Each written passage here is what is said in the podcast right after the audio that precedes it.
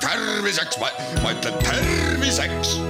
saade valmib koostöös Ida-Tallinna Keskhaiglaga, vaata ka itk.ee tere, head Kuku kuulajad, eetris on saade Terviseks ja kui me eilses saates rääkisime rinnavähist, siis äh, tänasel teemal jätkame. mina olen Ingela Virkus ja koos minuga on stuudios Ida-Tallinna Keskhaigla naistearst, rinnakirurg doktor Anu Suurpalu, tere taas! tere! Kuidas täna ennekõike rinnavähk avastatakse, et kas tullakse juba mingite kaebustega arstile ja siis või osaletakse kenasti sõeluuringu programmis või äh, täiesti juhusliku visiidi ja uuringu läbi? et eks te tegelikult nimetasite kõik need variandid ära. kõige sagedamini tegelikult ikkagi pöörduvad naised ise kaebustega tükile rinnas ja see on selle rinnavähi äh, nii-öelda esimese avastamise võimalus. umbes äh, paarkümmend protsenti rinnavähkidest tuleb siis sõeluuringult, sest tegelikult on see suunatud ju tervetele naistele ja enamik terveid naisi on siiski terved. ja muidugi äh, ka sellest arstlikust visiidist või arstlikust kontrollist tuleb mingisugune osa, aga sellest on ilmselge vähemus kuidas üldse sõeluuringu programmis osalemise protsendiga on, et kas sellega võib täna rahule jääda või see võiks olla oluliselt äh, suurem? Eestis kindlasti sellega rahule jääda ei saa, sellepärast et tegelikult on sõeluuringute eesmärk äh, seitsmekümneprotsendiline täituvus, seitsmekümneprotsendiline osalus paraku Eestis jääb see praegu kusagile kuuekümne protsendi piiridesse ja kui me võrdleme Põhjamaadega, kus on üle kaheksakümne, siis äh, me oleme praegu veel seal lõpupool. miks see nii võib olla, et kas naised äkki kardavadki seda, et äh, osalevad seal sõeluuringus ja siis äh, tulebki välja, et neil on rinnavähk? see on kindlasti üks faktoritest, mille naised on ise välja toonud. aga teine ja võib-olla veel olulisem faktor on see, et äh, kuna uuring on suunatud tervete naiste grupile, siis võib-olla pigem terved naised ei kipu pöörduma arsti poole et ma olen ju nagunii terve ja mul ei ole midagi viga, ma ei tunne ennast halvasti. et see on see põhjendus, miks sõeluuringule niivõrd kergekäeliselt või lihtsasti ei pöörduta. et kättesaadavuses kindlasti ei ole asi, aga pigem peab ka ütlema, et maapiirkondades tegelikult sõeluuringute täituvus on parem kui linnas, vaatamata kättesaadavuse lihtsusele kui aga naine on saanud kutse sõeluuringule, siis millal tal oleks kõige parem aeg uuringutele tulla või kuidas selleks üldse valmistuda? kui tegemist on naisterahvaga, kellel, kes ei ole veel menopausis, siis oleks sõeluuringuks informatiivsuse mõttes parim aeg ikkagi tsükli esimene pool. Aga kuna vanusegrupis viiskümmend kuni seitsekümmend, kellele sõeluuring on suunatud, on tegemist valdavas enamuses kliimaksis olevate naistega, siis tegelikult spetsiaalselt ettevalmistustööd ei ole vajagi teha mida aga selle sõeluuringu käigus tehakse, et milleks naine valmistuma peab, et äkki ta kardab, et see on väga valus protsess kõik ja võib-olla see hirm selle valu ees on ka üks põhjuseid, miks võib-olla ei tulda? jah, eks see võib olla tõesti sõbrannadelt saadud info või mingisugune linn, linnalegend. Äh, uuring ise võib olla küll ebamugav, sest tegemist on ikkagi sellise füüsilise pitsitamisega, aga tegelikult see uuring teoreetiliselt väga valus nüüd küll olla ei tohiks, et seda ei pea kartma, et pigem on tegu sellise väikese muljumisega, kui rinnanääred sinna aparaadi plaatide vahele vajutatakse. aga räägime natukene etapiliselt, et kuidas see kõik välja näeb, et naine saab kutse, kuhu ta edasi pöörduma peab või kuhu ta minema peab?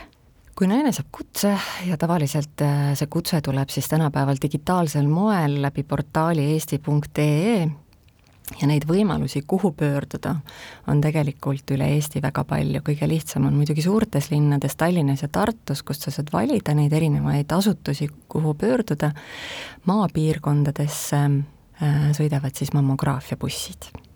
aga sellised statsionaarsed kohad lisaks veel suurematele linnadele on tegelikult Narvas, Kohtla-Järvel, Pärnus, Haapsalus, ma vabandan, kui midagi jääb ütlemata, aga tegelikult ikkagi praktiliselt kõigis suuremates linn, linnades see võimalus on.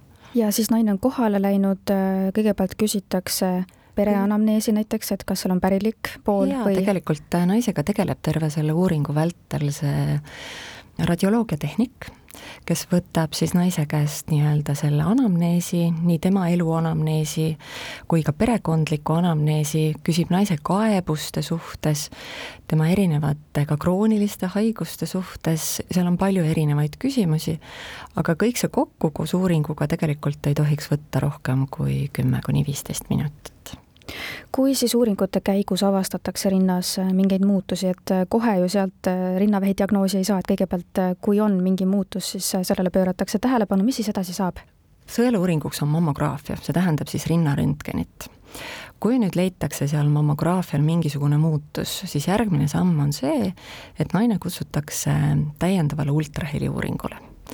kui ultraheliuuringul leitakse mingisugune muutus, siis äh, võetakse sealt tavaliselt biopsia ehk koeproov. see saadetakse patoloogilisele uuringule, histoloogilisele uuringule ja sealt me siis saame vastuse, millega on tegu, kas tegemist on healoomulise protsessiga või halva haigusega. et äh, Ida-Tallinna Keskhaiglas sõeluuringule tulnud naine, kellel ultrahelis võetakse biopsia, tegelikult äh, toimib meil selline hästi lihtne majasisene süsteem, et äh, sealt antakse juba info edasi nii-öelda rinnakabineti sekretärile, kes pakub patsiendile tegelikult äh, arstivisiidi aega mõne nädala pärast, sest selle proovitükiga läheb lihtsalt kauem aega. kuidas täna üldse rinnavähki ravitakse ja, ja kui efektiivne see ravi on? Mm, seda niimoodi mm, lühidalt kokku võtta on väga keeruline, aga tegelikult äh, käib siis rinnavähi patsiendi puhul see ravi nõnda, et kunagi ei otsusta üks arst üksinda selle ravi suhtes. kuna ravi on mm, multimodaalne ehk selline mitmekomponentne, siis otsustatakse rinnavähi patsiendi ravi multidistsiplinaarse meeskonna konsiiliumi otsusega kuhu siis kuuluvad nii radioloogid, patoloogid, onkoloogid, rinnakirurgid ja vajadusel siis ka mõned teised liikmed, vajadusel kaasatakse sinna siis ka patsient ja pereliikmed. ainuüksi selle Maailma Tervishoiuorganisatsiooni andmetel on rinnavähi ravi väga efektiivne, rinnavähi haigete puhul või rinnavähi puhul ja üldse vähkide puhul me saame rääkida elulemusest. ja tegelikult rinnavähi elulemus, kui kõik nüüd need staadiumid kokku võtta, öeldakse, et on seal kaheksakümne viie ja üheksakümne protsendi vahel. ehk siis viie aasta pärast esimese staadiumi rinnavähi diagnoosi nai-, saanud naistest on elus praktiliselt sada protsenti, mida kõrgem on staadium, seda kahjuks protsentuaalselt äh, väiksemaks see number siis jääb. aga kas neljanda staadiumi rinnavähiga naine saab ka näiteks täna edukalt äh, vähist vabaks ja oma tavapärast elu elada, et on selliseid näiteid? Kahjuks ma ei saa öelda, et äh, neljanda staadiumi rinnavähk on terveks ravitav. et täna me ei saa seda öelda. neljanda staadiumi rinnavähiga naist äh, me saame aidata haigust kontrolli all hoida, me saame aidata parandada tema elukvaliteeti ja vähendada sümptomeid, kui selleks on vajadust. milline see elukvaliteet on äh, neljanda staadiumi rinnavähiga naisel täna? Ma usun, et arvestades neid ravivõimalusi, võime me öelda, et see kvaliteet, sõltuvalt muidugi sellest hetkeseisust, mil patsient pöördub, on tegelikult päris hea.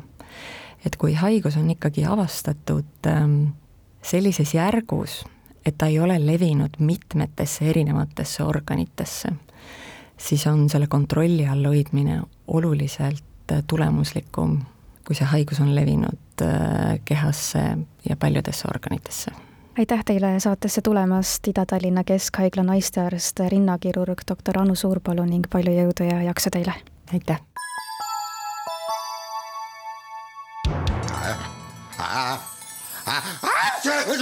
terviseks, ma ütlen terviseks saade valmib koostöös Ida-Tallinna Keskhaiglaga, vaata ka itk.ee